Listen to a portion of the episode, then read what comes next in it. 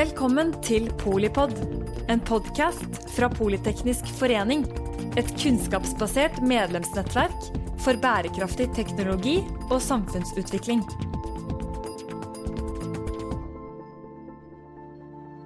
Velkommen til full sirkel av Polipod. Dette er podkasten som gir overblikk og dypdykk i tema innen sirkulærøkonomi, slik at vi bedre skal forstå potensialet i dette nye systemet der ressurser utnyttes smartere, lengre og bedre.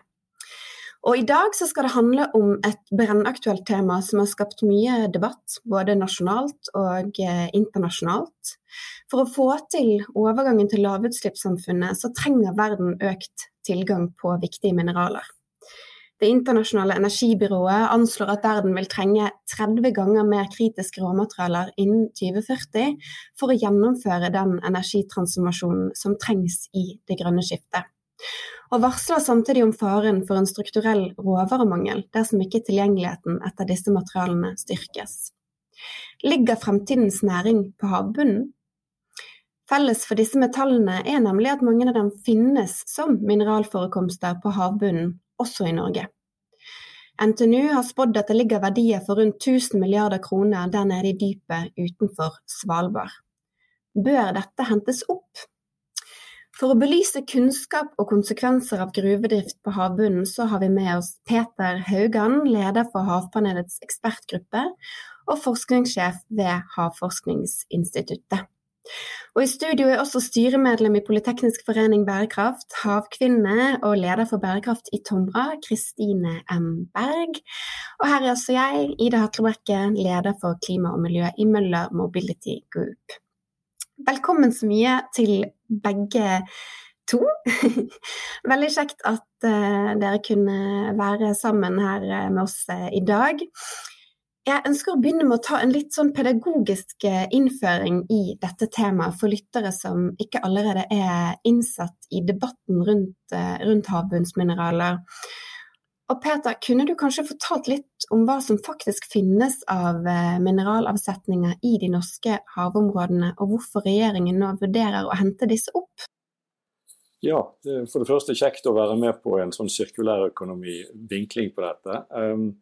Det er sånn at uh, det finnes tre på en måte hovedgrupper av, av, mineraler på havbunnen. og Det som kanskje folk har hørt om før, som ble oppdaget tidligst i, i Stillehavet særlig, det var disse her mangannodulene, som det heter. Altså Det er sånne runde, blanke steiner, poteter eller kålrot eller hva det ser ut som, som, som de da kunne suge opp fra havbunnen, og som inneholder flere metaller eller mineraler enn men det har man ikke funnet i norsk område, og det er rimelig å ikke finne det der, fordi at det skapes spesielt når det er veldig veldig lav sedimentasjon, lite som kommer fra overflaten og ned på bunnen. Så I norske områder så er det to typer. Det heter da eh, manganskorper, og så er det sulfider. Og, og manganskorper de er også dannet ved at det sedimenterer fra overflaten ned. Og så eh, blir det liggende som en sånn, ja, skorpe, en flate på bunnen som man da enten kan må bore eller få tak i på annet vis.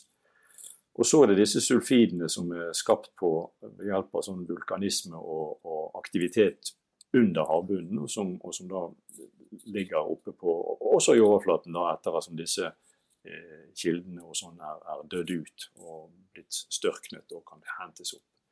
Så begge disse er sånn polymineralske, eh, polymetalliske. De inneholder mange forskjellige typer mineraler. Det er kobber, det er kobolt, det er gull og sølv, og det er disse sjeldne jordartene som finnes i mye mindre mengder, men som er ganske interessante for mange av de produktene vi har med batterier og med andre elektronikk osv. Så, um, så, så det er det vi har å, å lete etter, og det man har begynt å se etter i norske områder. Peter, det eh, virker jo kanskje akkurat nå som norske regjeringa har eh, litt dårlig tid. Og har uh, øynene festa på de her eh, mineralene og sjeldne jordartene som man kan finne på havbunnen. man sier at det er snakk om potensielle milliardverdier, i hvert fall det man har sagt så langt. Um, og så har man kanskje mista litt fokus på naturhensyn og behovet for, for økt kunnskap. Og du skrev i 2021 en kronikk i Klassekampen eh, der du refererte det her som i risikosport.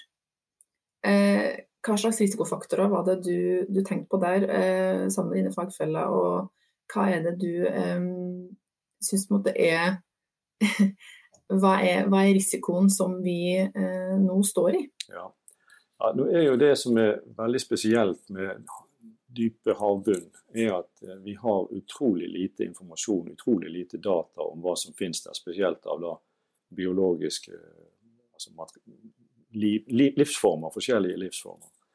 Ehm, det er sånn at eh, Når man går inn i disse dyphavsområdene og gjør undersøkelser, så finner man typisk veldig mange helt nye arter som man ikke har kjent fra før. Altså, hvilket som helst område du går inn, Opptil 90% av de eh, organismene man finner, vil være ukjent for vitenskapen idet man kommer hjem med dem.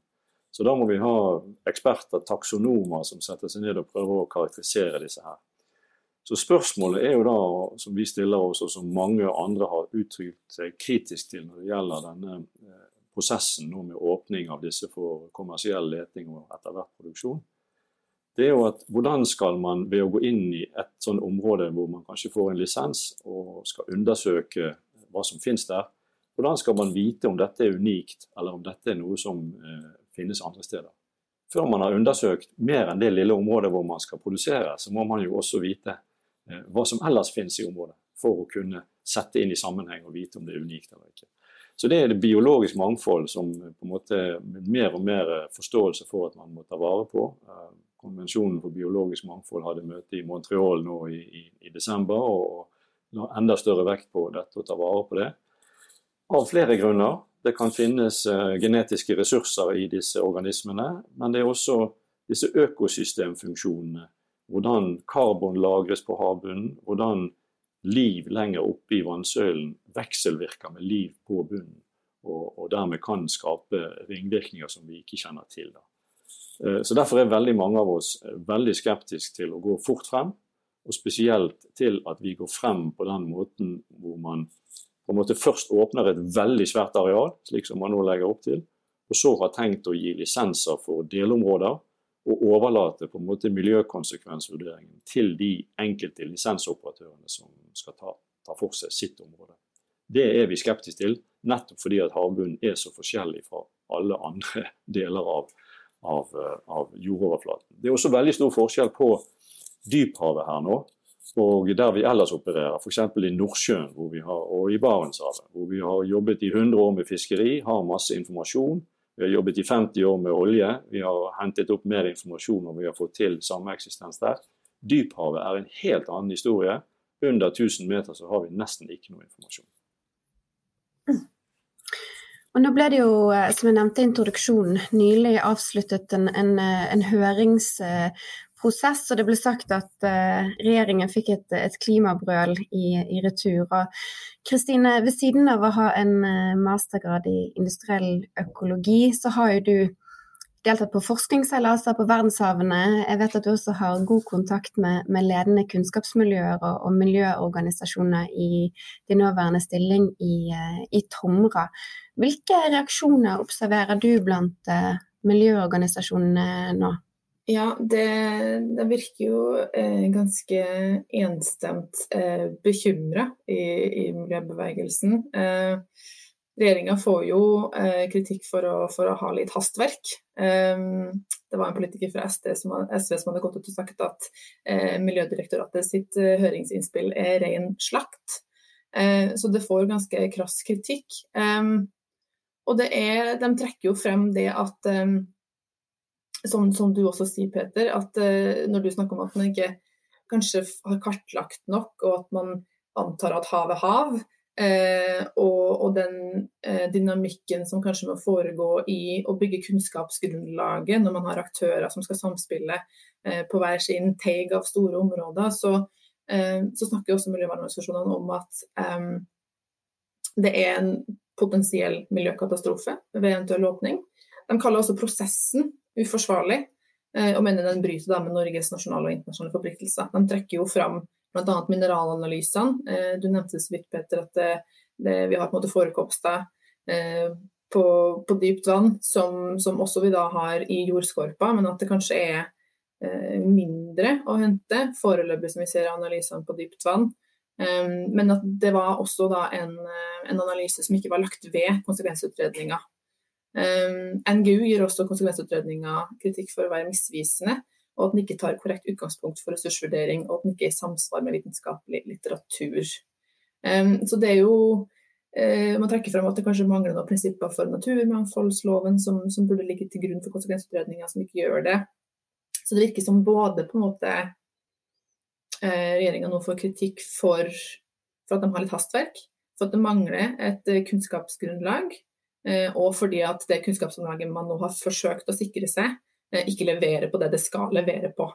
Eh, rett og slett er, er, det som vi ser som rører seg i, i miljøbevegelsen. Og etter å ha vært på havet og seila på havet sjøl, så er det jo det er vanskelig å sette tall på det man ikke vet, men, men hvis man snakker om overflate så er jo jorda dekka av 70% vann, men kanskje opptil 90% eller mer volum. Og man har utforska klokere hodene mine sier at man har utforska kanskje 5% av verdenshavene med da stor H.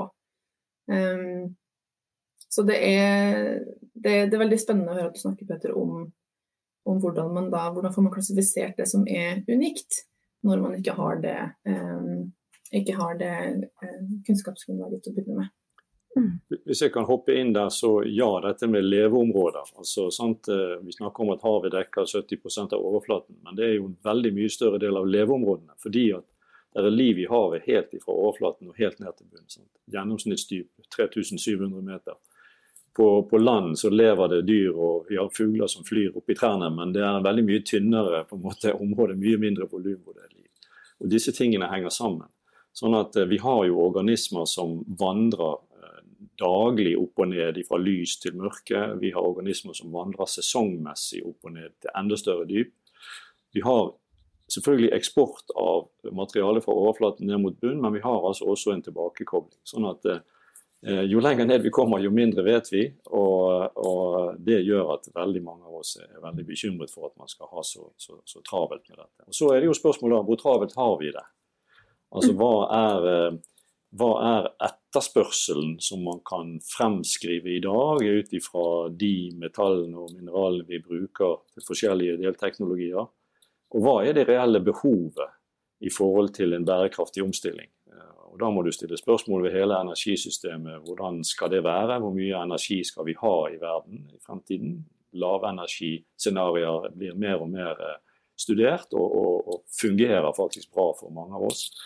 Og så er det jo også at Noe av etterspørselen er jo til andre ting enn til energiomstilling. Det skal vi heller ikke glemme. Sånn at uh, Det er også spørsmålet hvor, hvor nødvendig er, de, er de, den etterspørselen å fylle. Hvor, hvor, hvor, viktig behov er det faktisk, og, og hva er alternativene. Um, så Noen av de argumentene som er brukt for havbunnsmineraler til å på en måte komme istedenfor mineralutvinning på land, er jo at ja, der er det barnearbeid, og der er det masse sånne problemstillinger.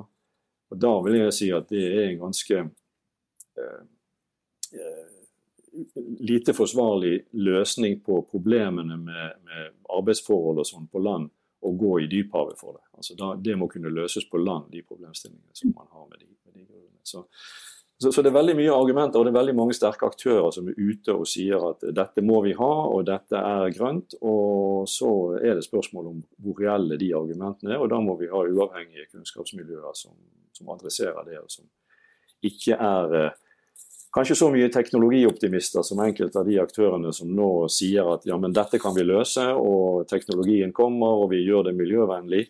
Eh, mye av den teknologien som man snakker om, er ikke klar til bruk i stor skala.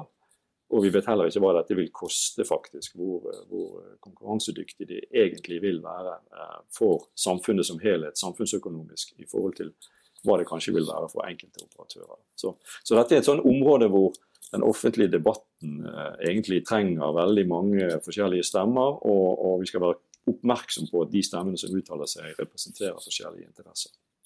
Nå snakket jeg som engasjert eh, enkeltperson. Eh, det står ikke dette i Havforskningsinstituttet sin høringsuttalelse, men det står bl.a. at vi er bekymret for at en for rask en måte, drift, fremdrift her vil kunne true Norges omdømme som kunnskapsbasert fiskeri- og havnasjon. Og Det er også et moment her. Vi lever av å eksportere fisk og, og, og, og drive matproduksjon og ha et rent hav. Og eh, hvis vi oppfattes som en nasjon som står liksom fremst i rekken til å gjøre skumle ting i dyphavet, så kan det ramme andre deler av, av, av Norges næringsliv også. Det er veldig interessant eh, også det perspektivet hvor eh, den offentlige debatten rundt denne høringsprosessen har jo også som du sier, altså det er jo eh, Norsk Fiskarlag er jo også ute og, uttaler seg om at man skjønner ikke helt hastverket. og også Equinor har jo også vært ute og kommet med sine uttalelser og sitt standpunkt til det. Så det virker jo som det er en eh, ganske unison eh, skepsis da, til å ha for stort hastverk eh, og til det grunnlaget vi går inn i prosessen med, med nå. Så det er jo jeg er jo trønder og Nidarosdomen. Man sier jo at Nidarosdomen ble jo bygd på, på, på, tørrfisk. Så eh, vi har jo på en måte en sterk som du sier, en sterk tradisjon som en havnasjon med verdens nest eh, lengste kystlinje. Og det, jeg synes det er et viktig poeng også, også om det stiller seg internasjonalt. Og hvis vi da, Apropos internasjonalt, zoomer litt ut, så er jo debatten om havbunnsmineraler uh, i aller høyeste grad, som du også vært inne på, et globalt anliggende. Um, og flere har kanskje kjennskap til en liten øystat som heter Tuvalu, som i 2014 har beslutta seg for å sponse gruveselskapet som da het Circular Metals. Um, og sponsing er den eneste måten det internasjonale havbunnsmyndigheten ISA Eh, kan tillate utforskningskontrakter under UNCLOS UN Convention Laws of the Seas, som er FNs havrettskonvensjon. Tuvalu har jo siden den gang trukket sponsoratet sitt, eh, men saken skapt eh, enorm, fikk enorm oppmerksomhet. Og ikke minst så ble ISA satt under ganske sterk kritikk. Som så langt, så langt så har de gitt letelisenser i et område dobbelt så stort som Frankrike. Eh, og Peter, du har jo vært eh, kjapt inne på det om, om, Norges omdømme i denne prosessen internasjonalt. Men kan du fortelle litt mer om hva den kritikken her bunner i, eh, og hvordan rolle FN spiller i forvaltninga av internasjonal havrett? Ja, det er jo riktig som du sier. Denne sjøbunnsmyndigheten, International Seabed Authority, den, den er, har tildelt sin rolle gjennom den havrettskonvensjonen. Sånn at det er en, en en rolle som ble gitt da denne eh, ble, ble implementert 80- og 90-tallet. Og det er ganske omfattende mandat dette ISA har. Det er både det å, å utrede og faktisk også kunne produsere. Og så skal de eh, også sørge for at eh, Eh, det som eventuelt er av rikdommer her, at det fordeles over hele verdens land og befolkninger. At ikke det bare kommer, kommer enkelte aktører til gode. Så det er et veldig komplisert og sammensatt mandat. og er vel, Alle er vel enige om at hadde man skulle opprette noe sånt i dag, så hadde man ikke gitt det så bredt og så mangesidig mandat. For det er veldig skummelt liksom å kunne både være kontrollinstans og utøver og i det hele tatt ha alle disse rollene. Eh, men det er noe sånn. og og det juridiske omkring dette her tror jeg blir, blir, vel håndtert på mange måter. Det som mange har kritisert, det er jo eh, mangel på åpenhet i, i, de prosessene. Og spesielt mange miljøorganisasjoner, men også fagpersoner, har gjort det. Og, og eh, det som nå skjer, du nevnte Tuvalu, nå er det en annen liten øynasjon som heter Nauru, som også har dette green metals med seg. Som er en veldig eh, en liten øynasjon i, i, veldig store miljøproblemer, faktisk. For de har brukt opp alle sine ressurser på land. Og, og de har også da på en måte sponset et sånt internasjonalt selskap. Og Det er jo også litt bekymringsfullt. Eh, kan en sånn liten, svak nasjon måte sørge for at dette skjer på riktig måte? Det, eneste, det minner litt om sånn flaggstater for eh, skipsfart. ikke sant? Altså De som ikke kanskje tar ting alvorlig, de får tiltrekke seg en del av disse operatørene som vi ikke vil ha. Og, og, eh, Hva som skjer med det, det er jo åpent. Nå har de en sånn rettighet til å få lov å begynne eh, i løpet av eh, sommeren 2023. Så er det en sånn frist som går ut. og Hvis man ikke har regelverket i gang, så skal de få lov til å begynne likevel. Og, Det er det mange som er bekymret for. Nå er det jo veldig mange også da som sier, eh, bl.a. selskaper som sier at vi vil ikke ha havbunnsmineraler i våre måte, verdikjeder. Sant? Vi vil ikke kjøpe det. Flere og flere store selskaper. Flere land har også sagt det samme. EU er veldig skeptisk og sier at vi må ha veldig mye mer trygge miljørammer i bunnen før vi kan begynne med å gjøre dette. Så, så det er veldig spennende år i 2023. Hva skjer internasjonalt? Hva skjer nasjonalt? Um, kommer vi til å se produksjon Eh, eller utforskning og produksjon med Nauru og Green Metals, kommer vi til å se at Norge åpner disse svære arealene. Eh, det blir veldig veldig spennende. Jeg tror det blir mye debatt om dette i 2023. Men jeg er veldig bekymret for at dette egentlig setter en, en presedens. At det liksom da åpner opp for, eh, eh, for storstilt utforskning av, av disse havbunnsmineralene egentlig over hele verden. Mm, det er helt rett. og, og igjen å sette Norge i klasse med Nauru er også noe som vi helst ikke ville, ville trives med, tenker jeg. Nei, vi var litt, vi var litt inne på det i, i, sted her. Altså, jeg jobber jo i en bransje der samtlige av verdens ledende bilprodusenter, Volkswagen som vi jobber med, men også BMW, Volvo, Renault har jo signert dette, dette moratoriumet eh, sammen med Google og, og, og Samsung der man sier at man eh, står over batterimetaller på, på havbunnen inntil man har mer kunnskap eh, på bordet, eventuelt inntil man har mer kunnskap på bordet. Um, og de investerer jo da tungt i forskning på faststoffbatterier, der man ser at man er, man er like rundt hjørnet på, på et gjennombrudd. Um, og samtidig utvinning på mindre miljøskadelige måter, og såkalt closed loop uh, recycling.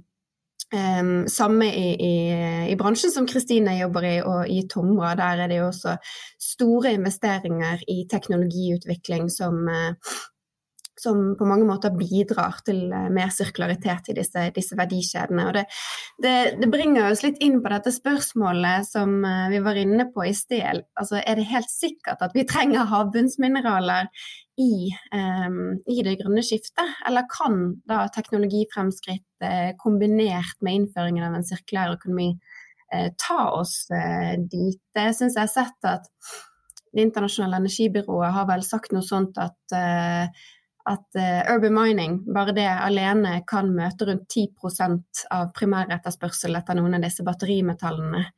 Eh, men det må jo også være en eh, vilje og nevne til å, til å, investere i en sirkulær økonomi. Så jeg er litt interessert i å høre deres eh, perspektiver rundt, rundt det. Jeg tror også Sylvia Earle har vel sagt at dette her med havbunnsmineraler også er egentlig en massiv grønnvaskingskampanje. At, at vi ikke nødvendigvis trenger um, å hente opp disse mineralene fra dyphavet. Altså en ting, hvis jeg skal begynne, så en ting med dette er jo at uh, det er veldig mange forskjellige havbunnsmineraler, og de kan brukes til forskjellige ting, delteknologier. Altså, og, og, så er, er der uh, Vi så på dette for Havpanelet for noen år siden, et par år siden. det her med Hvilke teknologier bruker vi egentlig til elektrifisering og til f.eks. havvind? Og der ja, det, det, det, er ikke bare liksom én teknologi, det består av mange deler. Og Hvis det er sånn at ett ledd i den kjeden på en måte, der blir det veldig dyrt å få tak i de råvarene man trenger, så, så blir jo det en stimulans til å utvikle eh, konkurrerende delteknologier. Eh, vindturbiner som vi ser på land, de har et gir oppi, oppi nasellen, som det heter. Så bruker man girløse, og så må man ha, ha sånne her sjeldne jordarter til, å, til i disse permanentmagnetene. Dette er også sånn som veksler. altså hva, hva, Blir noe veldig dyrt, så kommer andre ting frem. Du nevnte batterier. Der ser vi jo også det at, at, man ser på andre teknologier. Så er det noen ting da som kobber og kobolt og sånn, noen ting som ser litt vanskelig ut å klare seg uten. Eh, men det fører jo til en, en, veldig fokus på å finne alternativer for, for disse. Da. Så Eh, så jeg vil vel si at eh, selv om eh, urban mining foreløpig har litt for lite ressurser å hente tilbake, det er ikke så mange mineraler i sving. og Vi skal ikke stikke under stol at, at elektrifisering og fornybar energi bruker mer mineraler enn fossilt. Det gjør det. Men, men det er også mange andre behov som, som, er drivere her, og som gjerne blir litt underkommunisert faktisk av de som er operatører i dette spillet. Og du var jo eh, og kjapt inne på det, Petter, med eh, naturavtalen. Eh, som ble den historiske naturavtalen som ble landa eh, rett før jul eh, under COP15. Eh, og den nevner deep sea mining i et anneks. Og i paragraf 16 så snakker man spesifikt om viktigheten av kunnskap og konsekvensutredning. det står at avtalen 'encourages parties and invites other governments to ensure that before deep seabed mineral exploration activities take place, the impacts on the marine environment and biodiversity are sufficiently researched and the risks understood. Eh, internasjonalt, ser du noen bevegelse som går mot Altså går vi fra å være eh, skeptisk og, og, se på det som risikosport, til å bevege oss mer mot et forbud eller et internasjonalt moratorium, som da kanskje også kan bli et tema på, på COP28. Um, og, så, og, så, lurer jeg også på hvordan, hvordan ville du eventuelt gått til verks um, hvis du hadde ansvar for å vurdere åpning av, uh, av utforskning og utvinning av havbunnsmineraler? Er om du kan kommentere litt på, på, prosessen som vi står i også, inn mot uh, 2023, som du sa, som blir et spennende år? Ja, ja. Nei, altså Det er jo vanskelig, alltid vanskelig å spå, men jeg vil bli veldig forbauset hvis det blir noe produksjon før 2030. altså. Det vil jeg si vil være overraskende. Uh, utforskning og litt prøving kanskje, men, uh, men uh, det er såpass sterke krefter som som er betenkt over å åpne, at, at jeg håper og tror at det, det, ikke skjer. Så er det spørsmålet et moratorium hvis man sitter stille i ti år og så går tilbake med akkurat den samme tilnærmingen og sier nå vet vi akkurat like lite som før, og nå kan vi begynne, for nå har vi hatt moratorium. Det hjelper jo heller ikke. Altså, man må jo på en måte være åpen for at det kan finnes måter å produsere noen havbunnsmineraler på en miljøvennlig måte, og så må man da skaffe kunnskap for å kunne vurdere det gjennom noen år. Det, det, er vel det som er det. Måten man burde gjøre det på, og som en del internasjonale stemmer eh, sier at man må. Man må gå inn på en annen måte. Og Hvis vi da er tilbake til norsk eh, konsekvensutredning, så har det jo vært en diskusjon de siste månedene om konsekvensutredninger på land i forskjellige aktiviteter. Eh, betydelig diskusjon om dette med at det at det er utbygger som betaler for konsekvensutredningen, fører det til at de blir litt eh, skeive og litt eh, vinklet av det. Og, og, og, det er vel ting som tyder på det. Også de som jobber med disse konsekvensutredningene i konsulentselskaper har, har uttalt at det, det, er fare for det. Så det, Den problemstillingen eh, er jo gyldig i havet også med måten vi gjør konsekvensutredninger på. Men det som i tillegg er det spesielle for disse havbunnsmineralene i dyphavet, er jo den store kunnskapsmangelen. ikke sant? Altså Metodikk for konsekvensutredninger, f.eks. å gjøre litteraturstudier. Ja, Hvis du gjør litteraturstudier og det er ingen funn, betyr det da at det ikke er noe, eller betyr det at uh, vi liksom bare må si stopp? Det, det er helt åpent. Så, så jeg, jeg, tenker at uh, det er behov for å diskutere om vi gjør ting på riktig måte. Vi har hatt et opplegg for konsekvensutredninger som er veldig lignende i petroleum, olje og gass og i forskjellige aktiviteter på land. Så prøver vi å gjøre det samme regimet her på mange måter i, i havbunnsmineraler i henhold til havbunnsmineralloven, som ble vedtatt så sent som i 2019. Men jeg mener det er grunn til å, å, å, å tenke på nytt om ikke det er sånn at man må lage noe mer grunnlagskunnskap over større områder og i større bredde før man går inn på enkeltlisenser til operatører. Og, og det gjelder spesielt i dyphavet for havbunnsmineraler. Så jeg skulle ønske at man med dette fikk en diskusjon om, om, vi må gjøre ting på en annen måte, skaffe mer grunnlagskunnskap før vi går løs med disse enkeltlisensene til, til både kommersiell leting og kommersiell produksjon. Mm. Vi skal snart uh, gå inn for landing her nå, uh, Peter. Men nå som, nå som, høringen er avsluttet, altså her i Norge, hva kommer til å skje uh, videre nå? Og altså, dersom det nå går den veien, da, at man trosser farevarsler og anbefalinger fra, fra, de kunnskapsmiljøene som har, som har, kommet med sine innspill. altså vi var litt inne på det, men hvilke, hvilke signaler sender det internasjonalt? Vi er jo allerede litt sånn eh, Norges image har jo allerede fått eh, en god del eh, kritikk eh, internasjonalt også. Nei, altså det er jo kommet som du sier, veldig mange kritiske merknader. Miljødirektoratet, Havforskningen, mange andre. Så kommer Oljedirektoratet for en uke siden med en ressursvurdering som noen mente at man burde hatt tilgjengelig på et tidligere tidspunkt. og Spørsmålet er liksom hvor, hvor, hvor god er den? og Er den brukt på internasjonale metoder, eller det, det har vært kritikk mot det også? eh, som liksom forteller hva, hva er potensialet. Eh, så, så eh, vi får nok en diskusjon nå i første omgang om eh, dette her. og det, det syns jeg er bra at vi gjør. Eh, men jeg er veldig usikker på hva som blir konklusjonen fra norske myndigheter om den videre gangen. Om man går videre på det løpet som det er lagt opp til, eller om man sier at her må vi ta en, en fot i bakken og tenke oss litt om. Det er helt åpent. Jeg har ikke noe grunnlag for å spå noe om det.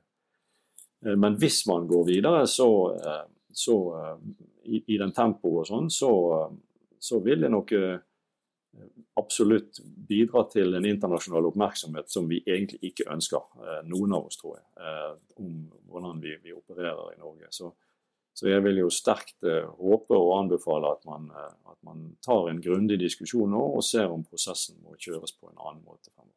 Klar tale og, og tydelige anbefalinger fra deg, Peter. Jeg tenker, jeg tenker vi runder av der. Dette blir veldig spennende å følge med på, og det er et stort um, tema. Og lyttere kan også forvente seg um, flere episoder og sånn sett mer innhold fra Politeknisk eh, rundt, rundt, temaet.